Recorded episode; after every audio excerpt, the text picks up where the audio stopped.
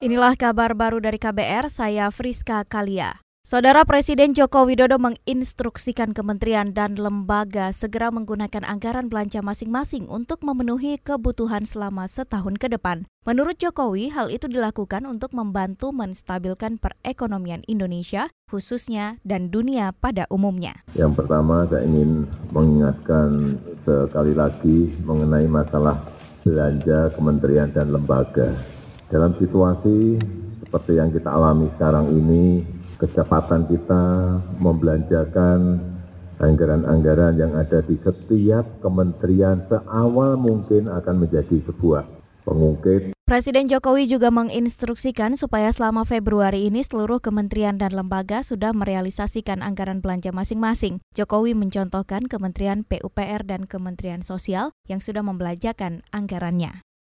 Sementara itu, Direktur Pelaksana Bank Dunia Mari El Kapangestu mengatakan kedatangannya ke Istana Bogor hari ini untuk bertemu Presiden Joko Widodo dan menyampaikan terima kasih sudah menominasikan dirinya menjadi perwakilan Bank Dunia. Menyampaikan terima kasih bahwa Presiden telah uh, menominasi nama saya untuk uh, posisi Direktur Pelaksana Bank Dunia. Uh, dan uh, kita membahas kira-kira apa nanti yang menjadi pekerjaan saya di Bank Dunia dan Presiden berharap bahwa saya bisa secara reguler mengupdate situasi uh, dunia yang saat ini tentunya banyak uh, banyak uh, isu dan banyak tantangan sehingga beliau bisa selalu uh, terupdate mengenai situasi di luar. Direktur Pelaksana Bank Dunia Mari Elka Pangestu menambahkan saat ini ekonomi global mengalami ketidakpastian yang sangat fluktuatif. Ditambah lagi dengan wabah virus corona di seluruh dunia menciptakan kegemparan ekspor dan impor. Karena itu, mari mengutip prediksi Bank Dunia yang menyebut perekonomian global akan melemah tahun ini.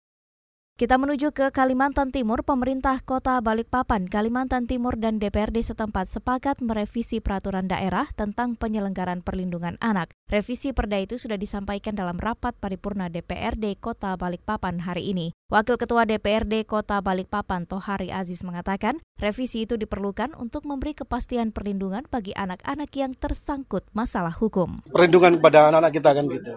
Karena jangan sampai persoalan anak-anak ini semuanya uh, masuk ke ranah hukum kan gitu. Karena anak-anak kita ini masih punya masa depan yang jauh kan gitu. Dan itu merupakan aset bangsa, aset Kota Balikpapan kan gitu.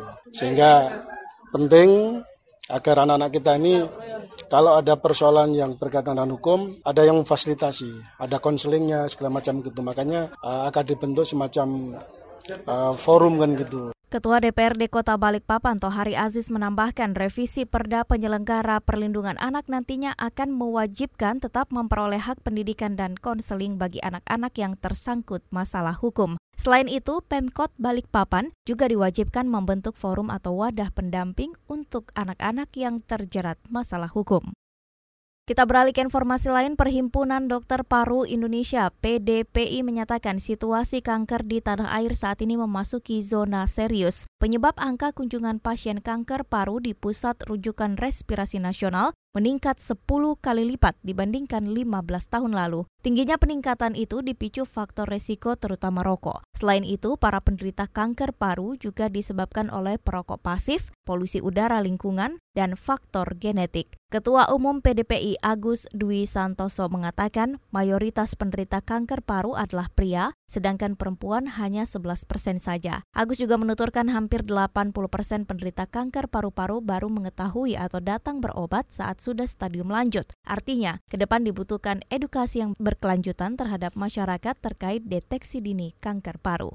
Demikian kabar baru dari KBR, saya Friska Kalia.